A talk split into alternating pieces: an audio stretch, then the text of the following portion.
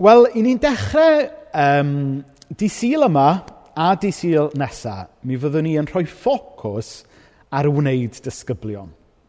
Um, mae yn sgwrs uh, mae tîm arwain yr eglwys wedi bod yn cael dros y misoedd diwetha. Sef sut y gallwn ni fod fwy o ddifri yn fwy intentional yn yn gwaith o wneud disgyblion. Hynny yw, sut allwn ni wahodd pobl i ddechrau y daith yna? Um, a sut y gallwn ni annog pobl sy'n eisoes ar y daith um, i dyfu fel disgyblion. Felly, dyna fydd y ffocws di syl yma a di syl nesaf. Ond dwi am ddechrau drwy fynd â chi nôl 23 o flynyddoedd.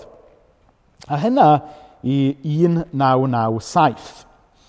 Dwi'n cofio yn yr oriau bach, um, fy nhad yn fy neffro i, a dweud tyd lawr grisiau i wylio teledu. Ac, um, a wedyn gwylio Ron Davies, ysgrifennydd gwladol Cymru ar y pryd, yn dweud, Good morning, and it's a very good morning in Wales today. A hynna oherwydd fod Cymru wedi pleidleisio i sefydlu y cynulliad cenedlaethol. A dyna lle nath datganoli devolution ddechrau. A wedyn yn fian wedyn, na Thron Davies gyhoeddi um, erthygl um, dylanwadol dan y teitl Devolution is a process, not an event. Nawr tybed, ydy'r syniad yna'n berthnasol i beth sy'n efo ni heddiw ynglyn â gwneud disgyblion? Tybed ydyn ni wedi gweld gwneud disgyblion fel event ac anhofio mewn gwirionedd i fod e yn broses. Nawr, ni'n mynd i droi um, i ddarllen chydig adnodau nawr o ddiwedd y fengil Matthew, lle mae Iesu yn rhoi y comisiwn mawr. A mae e yn darllen fel hyn, Matthew 28 adnodau 19 a 20. Felly ewch i wneud pobl o bob gwlad yn ddisgyblion i mi, a'i bedyddio nhw fel arwydd eu bod nhw wedi dod i berthynas a'r tad, a'r mab, a'r ysbryd glân. A dysgwch nhw i wneud popeth dwi wedi ddweud wrthoch chi. Gallwch chi fod yn siŵr y bydda i gyda chi bob amser, nes bydd diwedd y byd wedi dod. Nawr yn fan hyn, mae Iesu yn dweud wrth i ddisgyblion cyntaf be maen nhw nawr fod gwneud, sef gwneud mwy o ddisgyblion. A fel o'n i'n dweud, dros y misoedd diwetha, mae tîm arwain yr eglwys wedi bod yn reslo gyda'r cwestiwn yma ynglyn â sut gallwn ni fod yn fwy bwriadol yn yn gwaith fel eglwys i wneud disgyblion. Ac un peth sydd wedi dod i'r amlwg yw i fod e, fel wedodd Ron Davies, yn broses nid just yn ddigwyddiad. Oes, mae yna rhyw bwynt yn dod, rhyw ddigwyddiad yn dod, le mae rhywun yn dechrau'r daith yna i fod yn ddisgybl. Um, dyma mae Iesu yn siarad efo Nicodemus amdano. Pan mae'n dweithio Nicodemus bod rhaid fe gael ei ailenni neu i i cael ei enni drachefn, neu yn Saesneg, um, born again.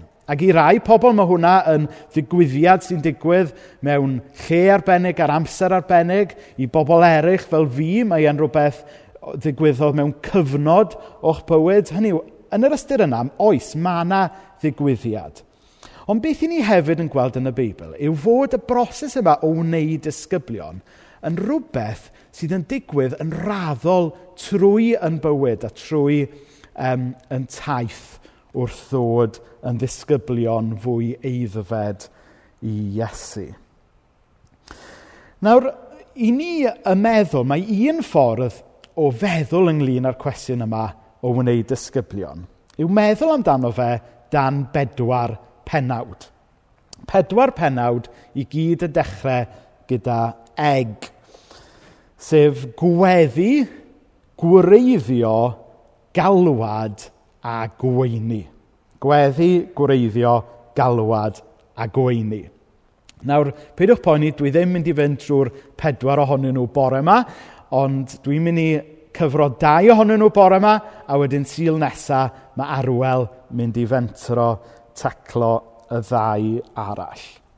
Ond cyn i fi fynd at gweddi a gwreiddio, Dwi jyst eisiau dweud gair byr ynglyn â perthynas disgybl ag athro. Chos cyn i ni sôn ynglyn â gwneud disgyblion, mae rhaid ni ddechrau ffocysu ar pwy ydy'r athro yn hyn o beth. Nawr, yng nghyfnod Iesu gyda llaw yw'r athro, uh, rhagon bod chi ddim wedi sylwi hynna. Nawr, yng nghyfnod y Beibl, oedd perthynas chydig bach yn wahanol gyda athro a disgybl i beth sydd gan athro a disgybl yn y byd modern heddiw. Um, falle heddiw bod ni'n meddwl ynglyn ag athro fel rhywun gwybodus sydd jyst yn trosglwyddo gwybodaeth i bobl eraill. Ond yn amser Iesu, oedd mwy i athro na jyst rhywun oedd yn cyfleu gwybodaeth. Yn hytrach, yr athro yn aml oedd y wers. Hynny yw, byddai iste wrth draed athro, rabai, rabwni, yng nghyfnod y Beibl, bydde ddim jyst yn golygu iste na gwrando beth oedd gan yr athro i ddweud a wedyn mynd, o, diddorol iawn a sefyll arholiad a symud ymlaen i'r pwnc nesaf. Rhan o fod yn ddisgybl i athro yng nghyfnod y Beibl oedd nid jyst gwrando ar ei eiriau fe, ond hefyd edrych ar sut oedd e yn byw. Oedd bod yn ddisgybl i athro yng nghyfnod y Beibl, oedd e'n fwy na transfer o knowledge. Oedd e hefyd yn arsylwi sut berson oedd e, sut oedd e'n trin pobl, beth oedd e'n gwneud gyda'i amser. Ac wedyn, rhan o fod yn ddisgybl i'r athro, oedd ddim jyst gwrando ar y gwybodaeth oedd yr athro'n cyfleu, Ond hefyd dysgu byw fel yr athro. Dysgu dilyn ôl troed yr athro yna. Ac felly, wrth i ni fod yn siarad ynglyn â gwneud disgyblion, mae rhaid i ni gael yn ffocws ar pwy yw yn athro ni yn hyn o beth. Sef, wrth gwrs, Iesu i hun. Ydy mae'n bwysig i ni wrando ar ei eiriau fe, ond mae e'r un mor bwysig i ni hefyd edrych ar ei fywyd e.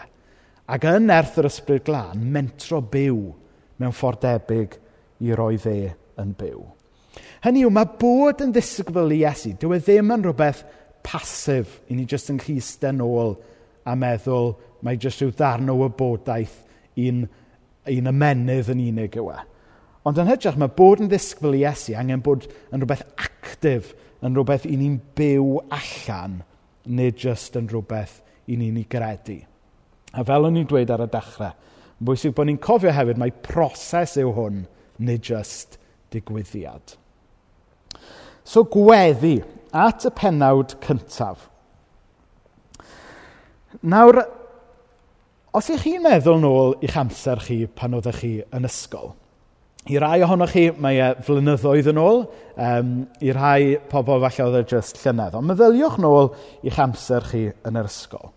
A mae'n siŵr bod rhai athrawon wedi gadael i ôl, wedi dylanwadu arnoch chi fwy na rhai eraill. Nawr, os ydych chi yn debyg i fi, nid o reidrwydd yr athrawon mwyaf galluog neu oedd â mwyaf wybodaeth nath mewn gwirionedd adael yr argraff, argraff ddyfna arnoch chi. Ond yn hytrach, yr athrawon neu'r darlithwyr, o gennych chi rhyw fath o berthynas efo nhw. Yr athrawon nath angos diddordeb yn o fi ydy'r athrawon nath mewn gwirionedd adael mwyaf o ôl arna i. A mae hwnna'n atgoffa ni pam fod gweddi yn bwysig yn y sgwrs yma ynglyn â gwneud disgyblion. Wedi bod gweddi yn cyffwrdd ar yr isiw yma o gael perthynas gyda yr athro yn y broses o wneud disgybl.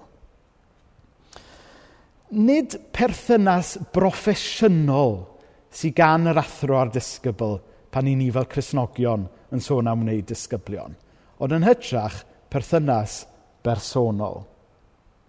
A dyna sydd wrth wraidd gweddi meithrin perthynas agos gyda yn athro yn y daith o fod yn ddisgybl i Iesu.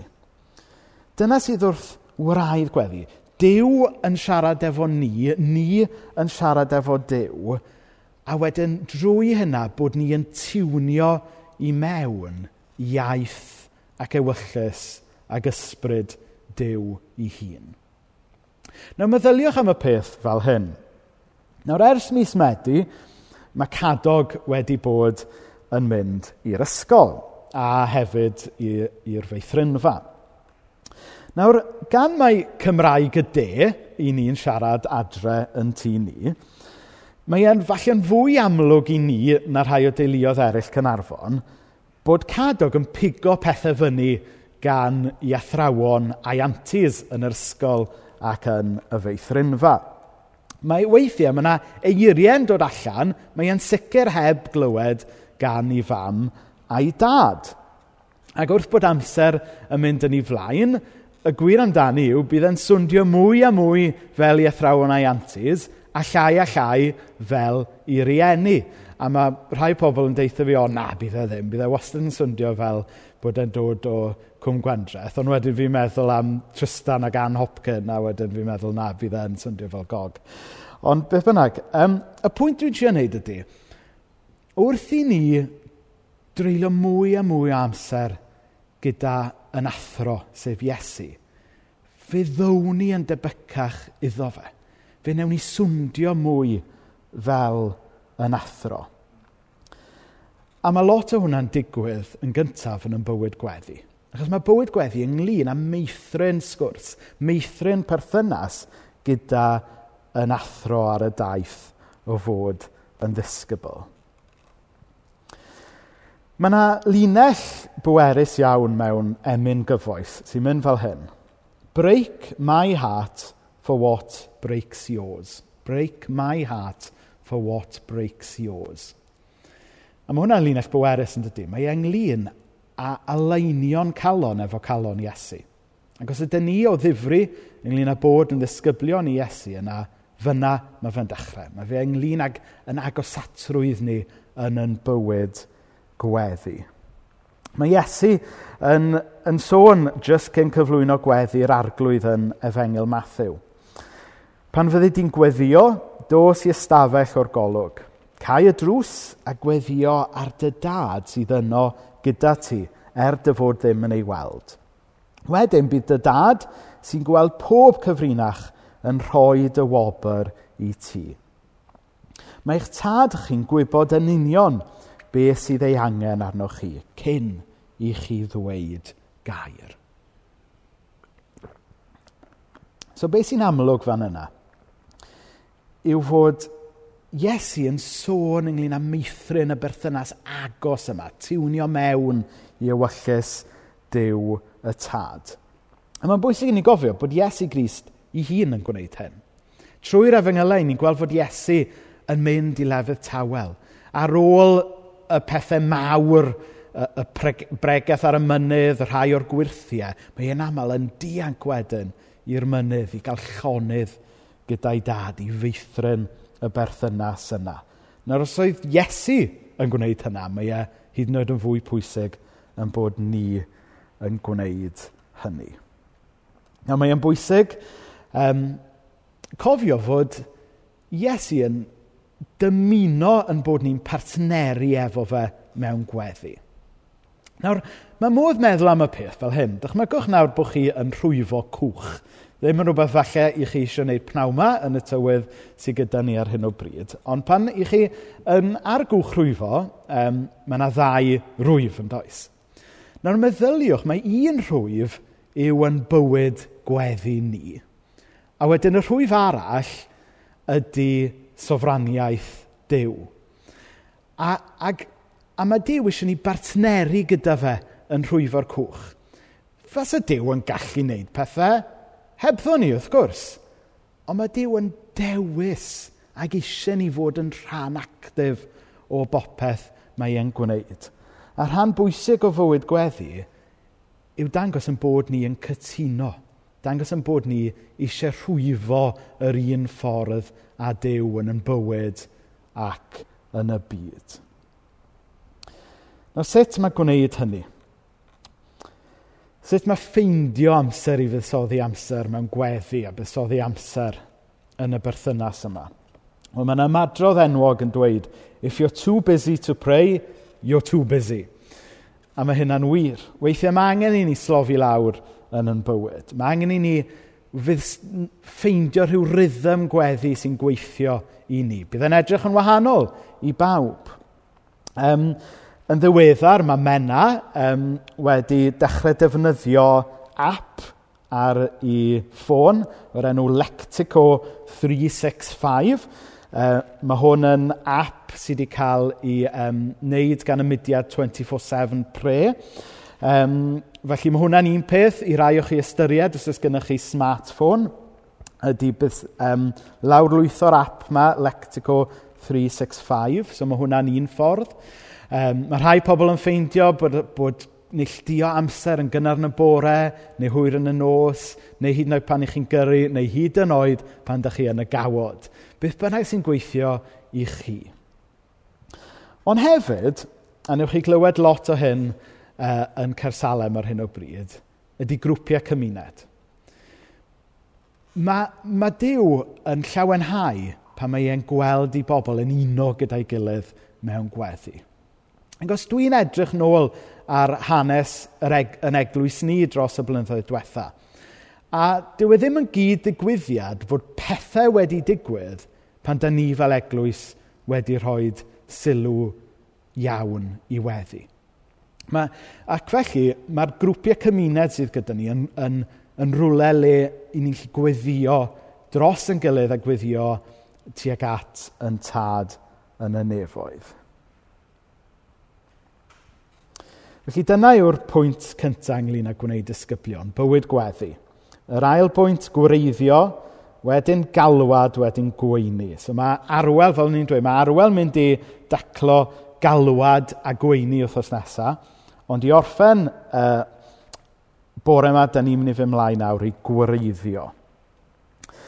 Nawr mae yna stori dda ynglyn â'r diwynydd cael bat.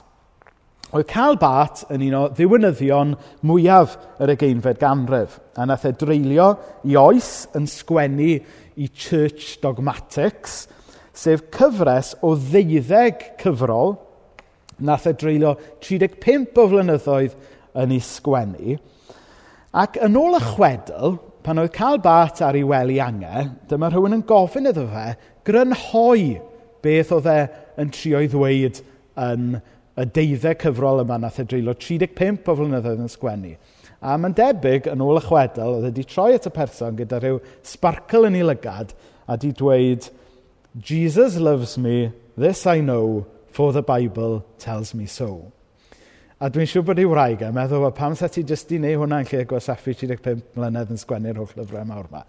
Ond be bynnag, Ath e y ddyfynu'r hen emyn, Jesus loves me, this I know, for the Bible tells me so. A dyna le ni'n mynd nesaf wrth ystyried yn galwad i wneud disgyblion. Gosod yn gwreiddiau yn y gair, sef Iesu. A'r Beibl yw'r lle le mae Iesu'n cael ei ddatguddio i ni yn fwyaf clir.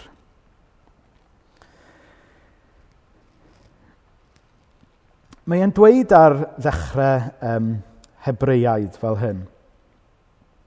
Yn y gorffennol pell, roedd Dyw wedi siarad gyda'n hynafiaid ni drwy'r proffwydi.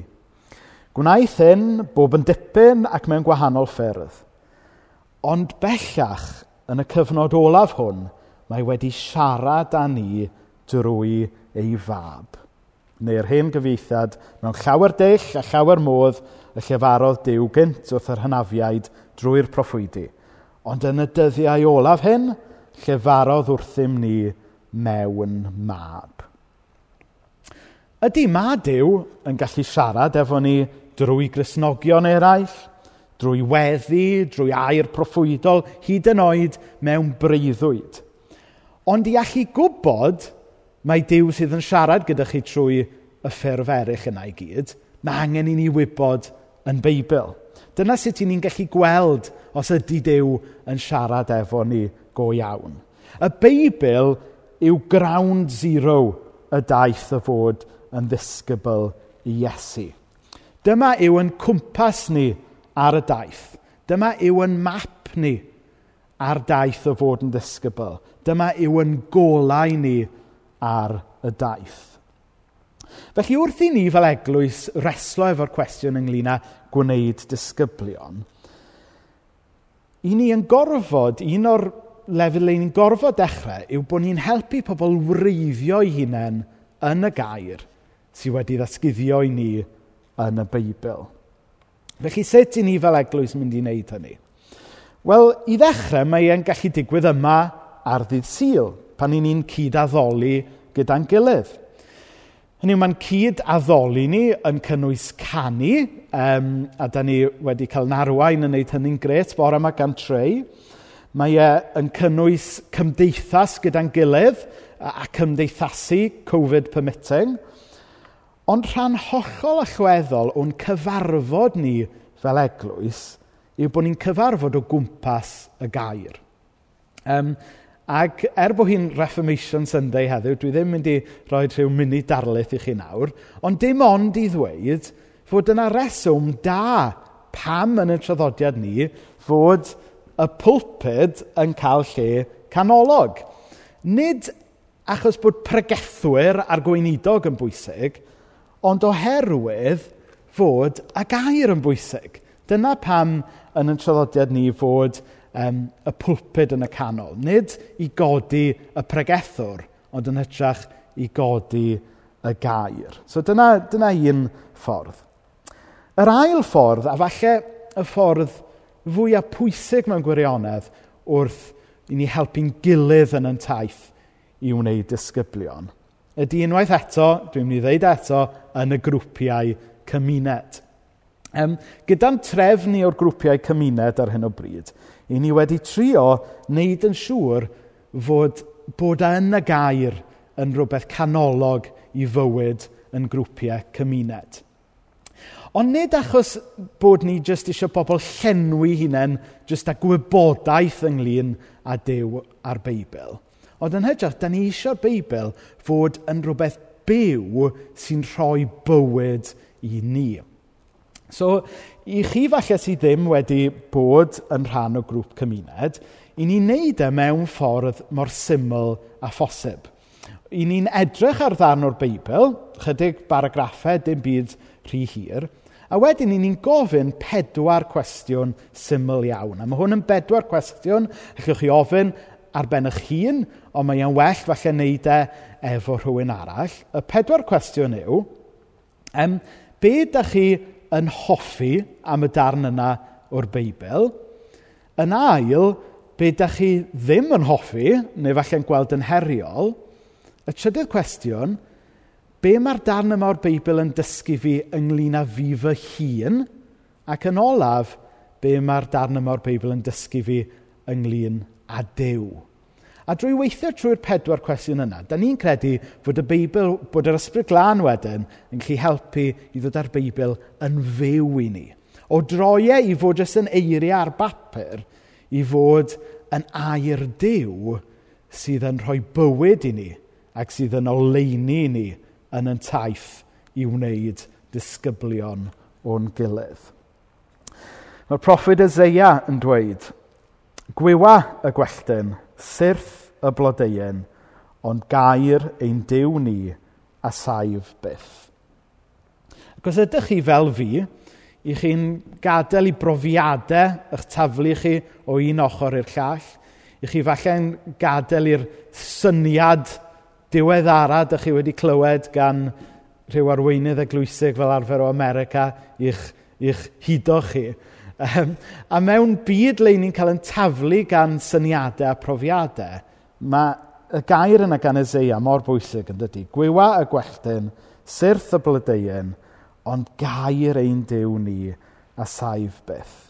Hwn yw yn constant ni, hwn yw yn cwmpas ni ar y taith wrth wneud disgyblion o'n gilydd.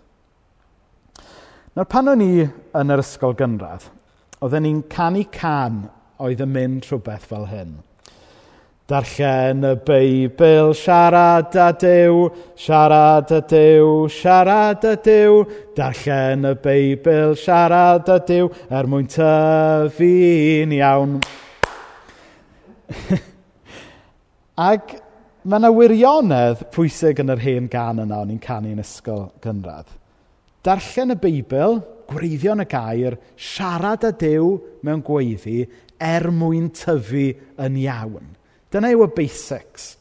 Fyddwn ni'n mynd ymlaen uh, wythnos nesaf i edrych hefyd ar galwad a gweini. Ond cyn mynd ymlaen at y galwad a'r gweini, mae'n bwysig bod ni'n cael y basics yn iawn yn does. Mae'n bwysig bod ni'n cofio fod y daith i fod yn ddisgybl yn cychwyn gyda'n bywyd gweddi, oherwydd bod hwnna ynglyn â cael perthynas agos gyda'r athro a bod ni'n gwreiddio hefyd yn y gair. Gadewch i ni blygu pen mewn gweddi. O ddiw dad, da ni'n diolch dy fod ti yn galw pawb i fod yn disgybl i ti. Dyw e ddim yn alwad sy'n dod i bobl wybodus yn unig. Dyw e ddim yn alwad sy'n dod i bobl o deip arbennig. Ond wyt ti'n galw pawb i ymateb i dy gariad di? I gydnabod yn beiau a derbyn y myddeiant ti wedi drefnu ni ar y groes? Wyt ti'n gwahodd ni i fynd ar antur gyda ti i fod yn ddisgyblion? Wythnos yma o ddiw dad, helpa ni gyd i edrych ar sut allwn ni feithrin rhythm gweddi gwell yn ein bywydau fel unigolion ond hefyd fel cymuned ffydd.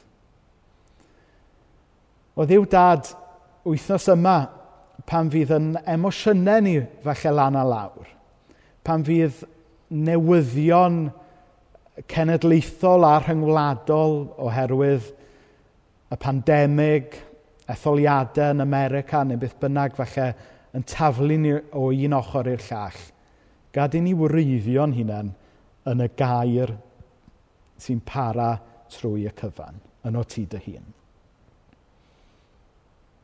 O ddiw dad, bydd gyda ni felly e, fel eglwys dros y tymor yma wrth i ni geisio bod fwy o ddifri a fwy bwriadol yn yn galwad i fod yn ddisgyblion ac i wneud disgyblion. O ddiw dad, bendithio pob un ohono ni. Amen.